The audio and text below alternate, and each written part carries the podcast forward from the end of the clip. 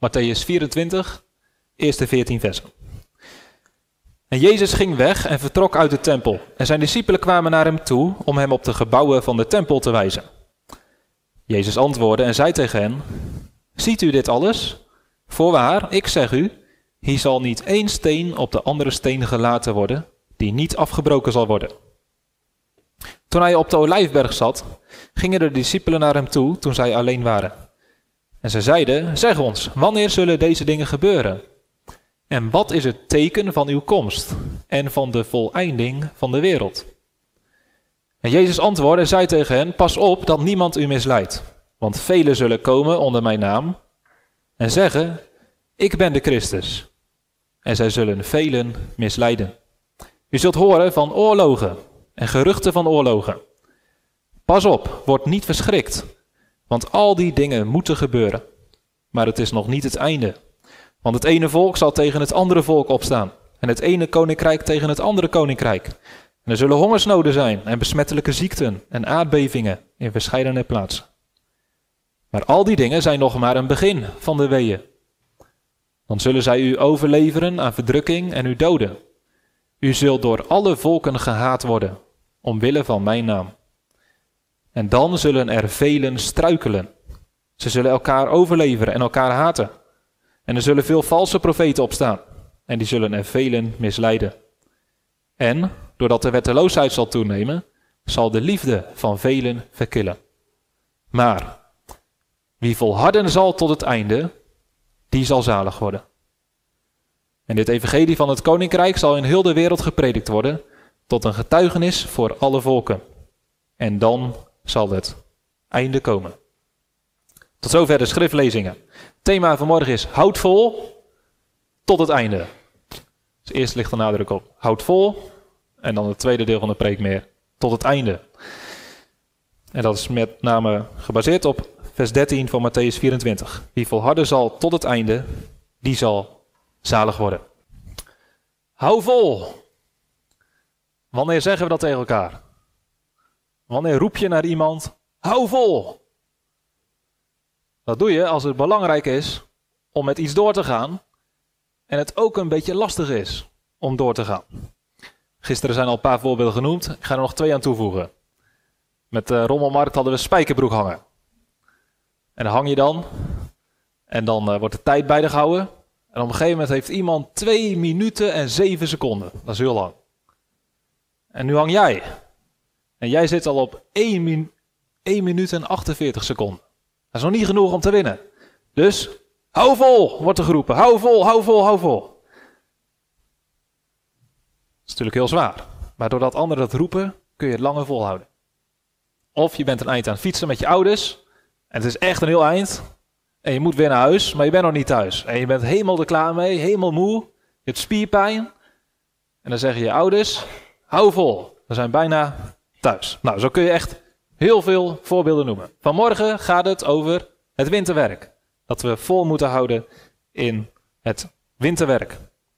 Morgen beginnen de catechisaties. Drie groepen. We beginnen bijbelkringen. Clubs beginnen weer. En van iedereen wordt een bepaalde inzet gevraagd. Allereerst van de leiders. Sommigen hebben de leiding. Die moeten activiteiten goed voorbereiden. En uh, de avonden leiden. Dat kost tijd. En dat kost energie. Nou, dat is soms uh, makkelijk op te brengen en soms wat moeilijker. En dan uh, denk je wel eens, ja, zou ik er niet gewoon mee stoppen?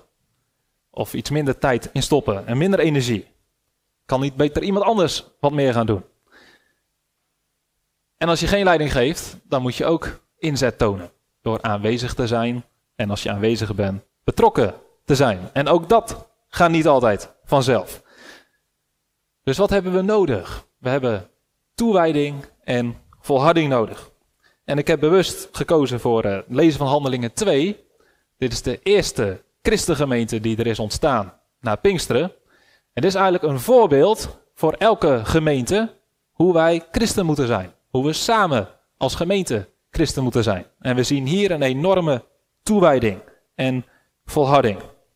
We hebben het gelezen.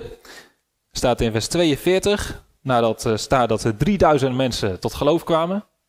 Dat was gelijk een hele grote gemeente. Wij hebben 300 leden op papier. Dat is nog tien keer zo groot. En al die mensen, staat er, die volharden in de leer van de apostelen. En in de gemeenschap. In het breken van het brood en in de gebeden. En ik denk dat het goed is als wij dit voorbeeld begrijpen en dat we snappen dat wij dit moeten navolgen. Maar ik hoop ook dat we dat willen. Vier dingen worden genoemd. Het eerste waarin ze volharden, waarin ze toegewijd waren, was de leer van de apostelen. De leer van de apostelen was allereerst het evangelie. Ze hadden het evangelie verkondigd over Jezus Christus, de Zoon van God, die naar de aarde is gekomen om ons te redden. En die boodschap, die was in hun hart terechtgekomen. Ze namen het met vreugde aan. Nou, dat is de kern van ons gemeenteleven. Dat we leven van het evangelie. Dat we geloven in iemand die voor ons naar de aarde is gekomen, aan het kruis is gestorven en ons het eeuwige leven heeft gegeven. En als je die boodschap voor het eerst hoort, dan moet je die geloven.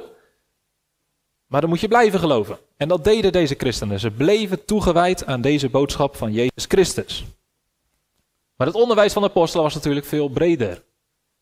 Ze legden heel de Bijbel uit. En ze maakten duidelijk wat het betekent om christen te zijn. En als een christen in deze wereld te leven. En hier waren de mensen aan toegewijd. En ze volharden erin. Ze kwamen naar de momenten dat de apostelen onderwijs gaven. Ze kwamen naar de diensten. Nou, de komende maanden zijn er heel veel momenten dat de Bijbel open gaat.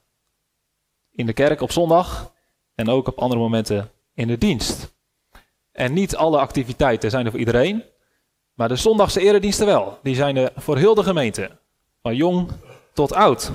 En het eerste waar wij dus aan toegewijd moeten zijn als gemeente is aan de zondagse erediensten. En uh, ik wil daar een tekst bij lezen uit Hebreeën 10, vers 25. En ik denk dat we die uh, makkelijk kunnen toepassen op onszelf. Staat in Hebreeën 10, vers 25. Laten wij de onderlinge bijeenkomst niet nalaten. Dus dat is de kerkdienst. Laten wij die niet nalaten. Maar zegt hij erbij, zoals het bij sommigen de gewoonte is. Dus blijkbaar was het voor sommigen de gewoonte om niet bij de onderlinge samenkomsten aanwezig te zijn. Nou, als ik nu de kerk in kijk, dan is het voor de meesten is het de gewoonte om wel bij de zondagmorgendienst aanwezig te zijn. En voor sommigen is het de gewoonte om niet altijd aanwezig te zijn. Nou zegt de Hebreeën schrijver, laten we elkaar aansporen. Waartoe? Om bij de dienst aanwezig te zijn. Nou, we moeten over de avonddienst hebben, dan kunnen we misschien omdraaien. Voor sommigen is het de gewoonte om wel te komen en voor de meesten is het de gewoonte om niet te komen. Maar laten we elkaar aansporen om ook deze onderlinge samenkomsten niet na te laten. Maar samen te komen, om onderwezen te worden in de leer van de apostelen. Om toegewijd eraan te zijn en daarin ook te volharden.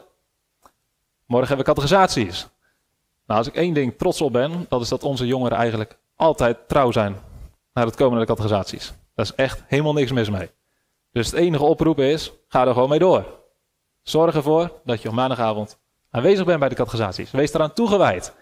Luister en leer. Ja, en als je geen beleidenis meer uh, hebt gedaan, of uh, geen categorisatie meer volgt, maar beleidenis hebt gedaan, dan zijn er alternatieven, bijbelkringen. We hebben in de kerkbode weer een overzichtje neergezet van de kringen die er zijn. En uh, als je daarbij aangesloten bent, blijf toegewijd. En houd het vol om die tijd daarvoor te maken. Om opgebouwd te worden. En als je nog niet deel uitmaakt van de kring, dan hoop ik dat het lukt om ergens aan te sluiten. Er staat bij elke kring staat een contactpersoon. Vraag iemand je denkt, kan ik meedoen? Ook om op een meer persoonlijke manier met de Bijbel bezig te zijn. En uh, ik weet dat dat voor heel veel moeilijk is om tijd vrij te maken. Maar probeer de dingen die je geestelijk kunnen voeden en opbouwen een hoge prioriteit te geven in je agenda. Dus de eerste gemeente was toegewijd aan de leer van de apostelen. En dat moeten wij ook zijn. En proberen dat vol te houden. Ten tweede staat er, ze volharden in de gemeenschap. Dus ze waren toegewijd aan elkaar. En dat is ook een belangrijk onderdeel van christen zijn. Gisteren hadden we een moment van gemeenschap, opening winterwerk. Dan konden we als gemeenteleden elkaar ontmoeten. Straks na de dienst hebben we een moment van koffie drinken. Een moment om elkaar te spreken, om relaties op te bouwen en te versterken. Om met elkaar mee te leven, om elkaar te vragen hoe gaat het. En dat kan gaan over alle tijdelijke dingen, over je werk, over je gezin. Dat mag allemaal. En het is ook mooi als het gaat over geestelijke dingen. Om elkaar daarin te leren kennen en elkaar daarin te helpen. Die eerste christenen die volharden in de gemeenschap. Dat was dus, ze waren toegewijd aan elkaar. Ze hadden liefde voor elkaar, ze wilden graag tijd samen doorbrengen. Maar dat was ook heel praktisch. Er staat op een gegeven moment dat iedereen bereid was om persoonlijke eigendommen te verkopen, zodat ze mensen konden helpen binnen de gemeente die het moeilijker hadden. Zodat niemand tekort had. Er mocht niemand binnen de gemeente zijn die honger hoefde te lijden, die het arm had. Ze zorgden voor elkaar, praktisch. En uh, ook daarin moeten wij een voorbeeld volgen. En ik heb mooie teksten gevonden die zeggen dat we dat we moeten volhouden. Paulus zegt tegen de Thessalonicenzen: Broeders, word niet moe goed te doen. En gelaten 6, dezelfde opdracht: laten wij niet moe worden goed te doen, want er zijn de tijd zullen wij oogsten als wij niet opgeven. Dus laten we toegewijd zijn aan elkaar en uh, naar elkaar omzien. Ook praktisch. Het derde, Handelingen 2, vers 42.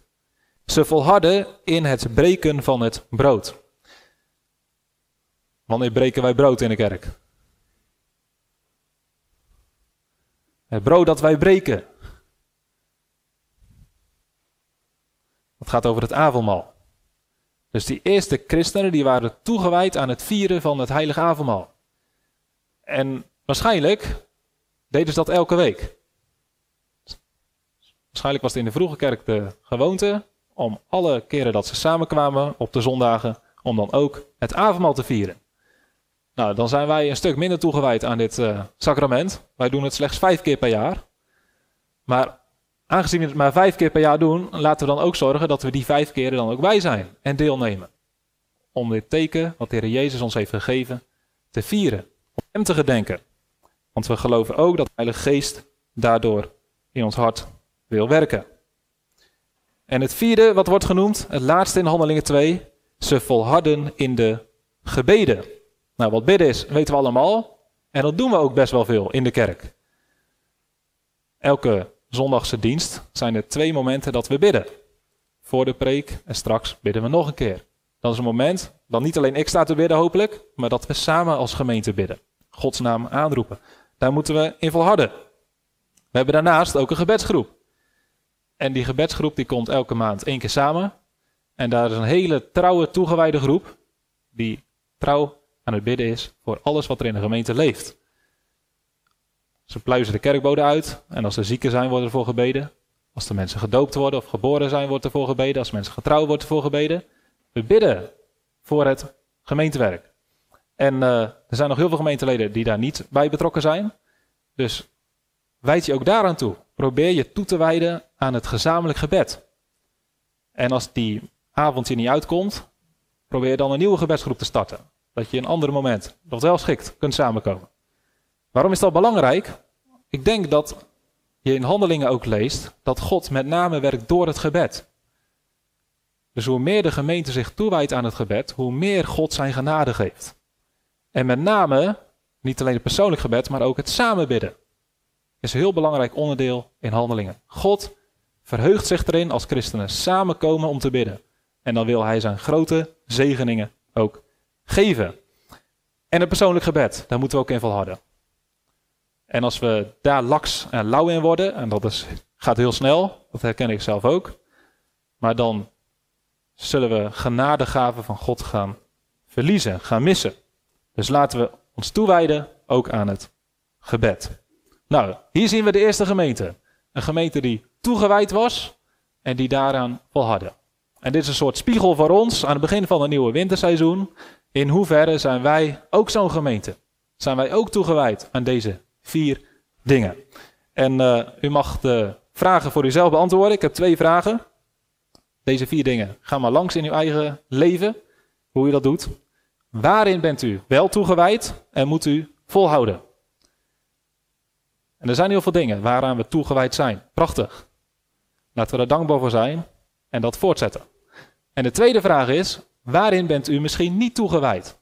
En zou u meer toegewijd kunnen zijn? En uh, kijk gewoon naar, kan ik iets meer doen? We hebben allemaal de neiging om uh, langzaam wat minder te doen voor God. Maar kijk naar deze vier dingen en zeg: Oké, waar kan ik een stap vooruit zetten? Waarin kan ik iets meer toewijden aan God? Als het gaat om het bezig zijn met de Bijbel, of het sacrament, of het gebed, of de gemeenschap. Dus, volharden. En uh, nu laten we handelingen een beetje los.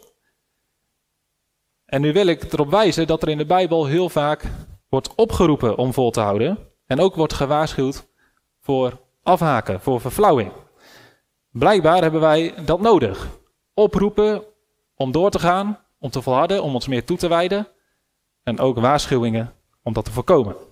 Jezus zegt in Johannes 15: Ik ben de wijnstok, u bent de ranken. Wie in mij blijft en ik in hem, die draagt veel vrucht. Is een belofte. Dus als je je toewijdt aan deze dingen van handelingen, als je dicht bij de Heer Jezus blijft, dan zul je veel vrucht dragen. Dan zul je veel op Jezus gaan lijken. Dan zul je een grote zegen zijn voor de wereld waarin je mag leven als christen. Blijf in Hem. Dan draag je veel vrucht. Maar, zegt Jezus, als iemand niet in mij blijft, wordt hij buiten geworpen, zoals de rank en verdord. Men verzamelt ze en werpt ze in het vuur en zij worden verbrand. Op het moment dat wij die toewijding verliezen en meer afstand nemen van de kerk en van Jezus Christus zelf, dan gebeurt er een beetje wat er gebeurt als je een tak afbreekt van een boom. Dan kunnen de voedingsstoffen er niet meer doorheen. En op een gegeven moment dan worden de bladeren worden bruin, de tak gaat dood. En als je dan nog probeert die tak terug te doen met een tapeje, en, eh, dat, dat werkt niet meer. Het is te laat. En dat is een waarschuwing die je ook in Hebreeën tegenkomt. Je moet uitkijken dat als je toegewijd bent, dat je niet die toewijding verliest. Want het is misschien zelfs onmogelijk om weer opnieuw toegewijd te worden. Hebreeën 6. Het is onmogelijk om hen die eens verlicht te zijn geweest, die de hemelse gaven geproefd hebben en deelgenoot zijn geworden van de Heilige Geest, die het goede woord van God geproefd hebben en de krachten van de komende wereld, maar die daarna afvallig worden, weer opnieuw tot bekering te brengen, omdat zij voor zichzelf de Zoon van God opnieuw kruisigen en openlijk de schande maken. Beetje moeilijke tekst, maar hier wordt gewaarschuwd tegen mensen die eerst toegewijd worden aan het evangelie, heel erg betrokken zijn op het geloof, maar op een gegeven moment daarmee stoppen, afvallen. Gewoon helemaal ermee kappen. En zegt de Hebreeën schrijver, zulke mensen weer bijna onmogelijk weer terugkrijgen bij het evangelie. Nog een derde waarschuwing en een voorbeeld van afval. Jezus die heeft een gelijkenis verteld van een zaaier. En het zaad van die zaaier die komt op verschillende plekken terecht. En er is één plek waar het in de goede aarde valt, waar het heel veel vrucht voorbrengt. Maar Jezus zegt, het zaad zal ook op andere plekken komen. En een van de voorbeelden is dat het uh, komt op ondiepe grond. En het ontkiemt meteen. Het lijkt positief resultaat. Maar omdat het niet de diepte in kan, het kan geen wortel schieten, gaat het uiteindelijk toch dood. En Jezus zegt, dit zijn christenen die het woord, het evangelie met blijdschap aannemen, maar op het moment dat de vervolging of verdrukking komt, struikelen ze meteen. Dus op het moment dat het lastig wordt, het geloof niet meer alleen maar voordelen heeft, maar ook heel veel nadelen blijkt te hebben, haken ze af. En dat is precies eigenlijk waar Jezus op wijst in Matthäus 24. Er zullen veel valse profeten opstaan, die zullen er vele misleiden. Uh, ze zullen u overleveren. Aan verdrukking u doden. U zult door alle volken gehaat worden. En dan zullen er vele struikelen. Dus Jezus wijst erop dat er momenten kunnen komen dat veel christenen afhaken. Is dat de praktijk? Dus in plaats dat christenen toegewijd zijn en volharden daarin, dat christenen verslappen en zelfs afhaken. Gebeurt dat? Is dat mogelijk?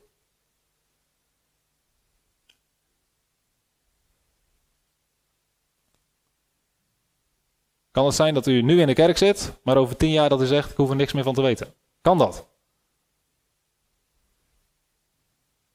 Dat u nu enthousiast bent en toegewijd, maar dat er een moment komt dat u dat niet meer bent? Kan dat? Het antwoord is helaas, denk ik, ja. Er zijn voorbeelden van mensen die toegewijd christen waren, maar die op een gegeven moment de kerk hebben losgelaten. Mensen die voor in de kerk beleidenis hebben gedaan, maar nu nooit meer naar de kerk gaan. Dat komt voor. En daar moeten we voor gewaarschuwd worden. Daar moeten we voor oppassen. En dat doet de Bijbel dus ook heel vaak. En ook om duidelijk te maken, dit gebeurt nooit van de een op de andere moment. Je kunt een waarschuwing krijgen en weer terugkomen. Je kunt op tijd inzien dat je in een verkeerd proces terecht bent gekomen. Want het is eigenlijk nooit zo dat iemand eerst volledig toegewijd is en dan op een zekere dag helemaal er niks meer van weten. Dat gaat geleidelijk. Eerst is het trouw en op een gegeven moment wordt er ontrouw. Eerst komt men regelmatig naar de kerk en dan wordt het onregelmatig. En pas dan komt er een moment dat iemand helemaal afhaakt. Nou, als u dat herkent in uw leven, dat proces van ik hou niet, ik ben niet aan het volharden, maar ik laat juist dingen los, ik ben aan het verslappen, wees dan nu gewaarschuwd en wijd je opnieuw toe aan God. Nou, dit is dus het eerste stukje. We moeten volharden, volhouden. Jezus zegt dat we moeten volharden tot het einde. Wie volharden zal tot het einde zal zalig worden. Deze uitspraak van Jezus deed mij denken aan Kamp Koningsbrugge. Ik weet niet of u dat kent. De meeste misschien wel, misschien. Kamp van Koningsbrugge, dat is een programma waarin gewone burgers worden uitgedaagd om uh, de Special Forces Training te volgen. Acht dagen lang worden ze helemaal afgemat en uitgeput. Zoals zware militairen dat moeten doen. En uh, in het uh, omschrijving van wat het programma inhoudt staat... 15 gewone burgers ondergaan acht dagen lang de loodzware Special Forces training. Wie haalt het einde? Daar gaat het ook om. Volhouden tot het einde. Als je het programma kent, dan weet je ook dat het niet zo positief is. In ieder geval, van de 15 die beginnen, zijn er heel veel die het einde niet halen. Omdat ze zo ver worden uitgeput en zo ver over hun grenzen moeten gaan, dat de meesten op een gegeven moment afhaken. Is dit hoe wij de woorden van Jezus moeten lezen? Is dit hoe we het winterseizoen moeten beginnen? We beginnen met zoveel, maar de kans is groot dat we allemaal het einde niet halen. Dat is niet echt heel motiverend. Dus er zijn in de Bijbel hele duidelijke waarschuwingen voor kijk uit dat je niet afvalt. Pas op dat je niet hoort bij de groep mensen die eerst toegewijd is, maar op een gegeven moment steeds minder toegewijd raakt. Houd vol. Maar ik wil ook een andere kant in de Bijbel laten zien, die wel bemoedigend is en wel hoop geeft dat we het wel volhouden. De Bijbel zegt namelijk ook duidelijk dat degenen die het evangelie echt geloven en gered zijn, niet meer verloren kunnen gaan. Dus als je echt gelooft in Heer Jezus en je bent gered, dan zul je volhouden tot het einde. Dat is een belofte. Er staat namelijk dat God er zelf voor zorgt. In Petrus 1, vers 5, daar zegt Petrus, jullie worden door de kracht van God bewaakt, door het geloof tot de zaligheid die gereed ligt om geopenbaard te worden in de laatste tijd. Dus de kracht van God bewaart jullie. Dat jullie nu niet alleen gered zijn, maar dat jullie ook zalig zullen worden. Johannes 10 zegt Jezus: Ik geef jullie het eeuwige leven. Jullie zullen beslist niet verloren gaan in eeuwigheid. Niemand zal jullie uit mijn hand rukken. Dus Jezus garandeert: als jij in mij gelooft en mijn schaap bent, bij mijn kudde hoort, dan kun je niet meer verloren gaan. Daar zorg ik zelf voor. Ik zal je beschermen. Jeremia die zegt over de nieuwe verbond, waar wij als christenen onder mogen leven, dat God ons een hart geeft waardoor we zullen volhouden. Ik zal hun één en één weg geven om mij te vrezen. Alle dagen hun ten goede en hun kinderen na hen. Ik zal een eeuwig verbond met hen sluiten, dat ik mij van achter hen niet zal afwenden, opdat ik hun goed doe. Ik zal mijn vrezen in hun hart geven, zodat zij niet van mij afwijken. Dus ik geef hun een hart, wat ervoor zorgt dat ze niet van mij zullen afwijken, maar zullen volhouden. En daarom zegt Paulus Die tekst heb ik gebruikt met de beleidingsdienst twee jaar geleden. Ik vertrouw erop dat hij die nu een goed werk begonnen is, dat voltooien zal tot op de dag van Jezus Christus. Nou, allemaal zulke soort teksten die maken duidelijk dat God er zelf voor instaat, dat God er zelf voor zorgt dat degenen die in hem geloven, met hun hart, echt gered zijn, dat die ook de kracht zullen krijgen om vol te houden. Dat die niet kunnen afvallen. En het feit dat er dus wel mensen zijn die christen leken te zijn en toegewijd leken te zijn en afhaken, dat betekent dat zij nooit echt van harte het evangelie hebben geloofd. En nooit zich van harte hebben bekeerd van hun zonde. Dus als we nu mogen weten, ik leef van harte uit het geloof in het evangelie, hoeven we ook niet bang te zijn dat we afhaken. God zorgt ervoor dat we niet afvallen. Hoe zorgt God ervoor dat we volharden? Hoe voorkomt God dat degenen die in Hem geloven alsnog het evangelie loslaten? Er zijn twee manieren waarop God dit kan voorkomen. Theoretisch. De ene manier, de eerste manier, is dat God ervoor zorgt dat wij niet kunnen afhaken. Dat het onmogelijk is. Dat is vergelijkbaar met een ouder die niet wil dat een kind de weg oprent. En wat kan dat ouder doen om te voorkomen dat het kind de weg oprent, wat gevaarlijk is? Hij kan er gewoon een groot hek omheen zetten, met een slot erop, zodat het kind onmogelijk de weg op kan rennen. Ook al wil het kind het, het is onmogelijk. Als dat het geval is, dan hoeven de ouders ook niet echt meer te waarschuwen. Kind, kijk uit dat je niet de weg oprent. Die waarschuwingen zijn niet nodig, want het kind kan de weg niet oprennen. Als God het onmogelijk had gemaakt voor ons als christenen om af te haken, dan hadden we geen waarschuwingen nodig in de Bijbel. Maar die staan er wel. Er is een tweede manier waarop je kunt voorkomen dat we afhaken. En uh, je zou ook kunnen zeggen, als ouders niet willen dat een kind de weg oprent, kunnen ze ook zeggen, oké, uh, het hek is in principe, je kunt er doorheen, je kunt de weg oprennen, maar we geven je waarschuwingen. Dus we zeggen tegen het kind, Kijk uit dat je niet de weg oprent. Dat is levensgevaarlijk. Er rijden auto's heel hard. Als je zomaar de weg oprent, dan kun je aangereden worden en erg ongeluk krijgen. Dus ouders geven het kind waarschuwingen. En dat kind dat snapt dat. En die zegt: Oké, ik ga de weg niet op. Dus ouders kunnen voorkomen dat het kind de weg oprent. Niet door het helemaal onmogelijk te maken, maar door waarschuwingen te geven. En dit is precies de manier waarop God voorkomt dat wij als christenen niet volharden. Hoe wij als christenen afhaken. God kiest ervoor om ons in de Bijbel waarschuwingen te geven. Waarschuwingen die zeggen: pas op. Dat je niet slap wordt in het geloof. Pas op dat je niet uh, slordig wordt, maar dat je toegewijd blijft. En zo moeten we de woorden van Jezus ook lezen. Dus niet als een bedreiging. De kans is maar klein dat je volhoudt maar als een aanmoediging en aansporing die wij nodig hebben als christenen om vol te houden. Jezus weet blijkbaar dat we het als christenen niet altijd makkelijk zullen hebben in deze wereld. En dat we beproefd zullen worden. Dat het soms lastig zal zijn om vol te houden. En ik denk precies de dingen die Jezus noemt, die zijn ook heel herkenbaar. Want het eerste wat Jezus zegt, waarom het lastig zal zijn voor ons als christen om vol te houden, is dat er in de wereld heel veel moeilijkheden zullen komen. Jezus zegt dat er in de wereld oorlogen zullen zijn en geruchten van oorlogen. Het ene volk zal tegen het andere volk opstaan, het ene koninkrijk tegen het andere koninkrijk. Er zullen hongersnoden zijn, besmettelijke ziekten, aardbevingen.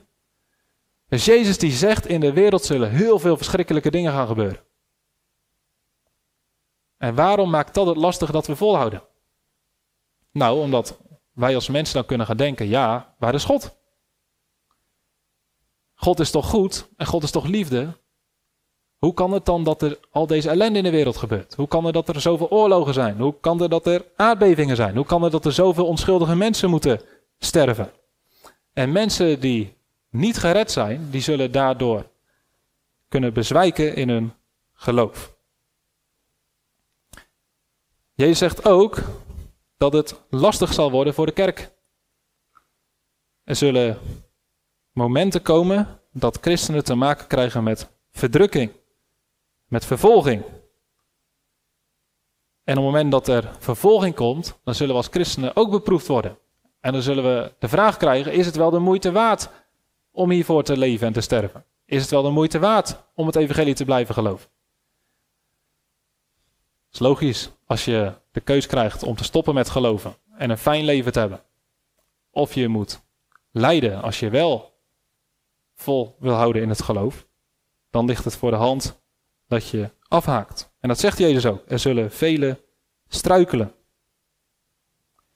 En daarnaast zullen er in de kerk valse profeten opstaan. Die mensen met de verkeerde leer zullen misleiden. En vers 12, de wetteloosheid zal toenemen. De liefde van velen zal verkillen. Dus in de kerk zullen mensen elkaar niet lief hebben. En zullen mensen op een verkeerde manier met elkaar omgaan. Zo zegt Jezus, zullen er allemaal redenen en aanleidingen zijn waardoor mensen zeggen: Ik stop ermee. Ik haak af. Ik hou het niet meer vol. En misschien herkent u dat wel. Een van die stemmetjes die zegt van waarom zou je eigenlijk blijven geloven? En waarom zou je je zoveel toewijden aan iets waarvan je misschien helemaal niet zeker bent? We zullen te maken hebben met verzoekingen, met verleidingen. En dan is Jezus degene die deze woorden spreekt. Zodat we niet verbaasd zijn dat deze dingen gebeuren. Jezus zegt dit, zodat we gewaarschuwd zijn. Ik kwam ergens een uh, mooie omschrijving tegen van wat volharding is. Volharding is aanhoudende vastberadenheid om Gods roeping te volgen, ondanks afleiding, ontmoediging of vervolging. Dus we beginnen dit seizoen hopelijk toegewijd en we gaan volharden. Maar er komen misschien momenten dat we afgeleid daarvan worden. Of dat we ontmoedigd worden. Of misschien dat we vervolgd worden. Laten we dan volhouden. Vastberaden, Gods roeping, nablijven, volgen. Hoe lang moeten we dit volhouden als christenen, als gemeente? Hoe lang moeten we toegewijd blijven? Nou, Jezus zegt dat het einde komt van de wereld als alle volken het evangelie hebben gehoord. Dit evangelie van het koninkrijk zal in heel de wereld gepredikt worden, tot een getuigenis voor alle volken, en dan zal het einde komen. Nou, we zijn er nog niet. Nog niet alle volken in de wereld hebben het evangelie gehoord. Ik weet niet hoe lang dat nog gaat duren. Maar voordat Jezus terugkomt, moeten alle volken het evangelie hebben gehoord. Staat hier. En dan zal het einde komen. En wat gebeurt er dan? Dan komt Jezus terug uit de hemel. En dan is onze periode op aarde voorbij. En dan zullen degenen die volhard hebben tot het einde zalig worden. Dan zullen zij het eeuwige leven binnengaan. Dan zullen zij een plek krijgen op de nieuwe aarde. Dus als we helemaal teruggaan naar Handelingen 2, de eerste gemeente. Die werd gekenmerkt door toewijding aan de leer van de apostelen. Aan de gemeenschap. Aan het breken van het brood. En in de gebeden. En het is onze roeping als christenen om dat al deze eeuwen vol te houden. En we zijn nu al 2000 jaar verder. En we moeten dit volhouden totdat Jezus terugkomt. En als hij terugkomt en hij vindt ons als een gemeente die toegewijd is en volhardend is in de dingen die in Handelingen 2 staan, dan zullen wij horen bij degene die zalig worden. Laten we elkaar helpen, aansporen, voor elkaar bidden, dat wij zo'n gemeente mogen zijn. Als we volharden tot het einde, dan zullen we zalig worden. Amen.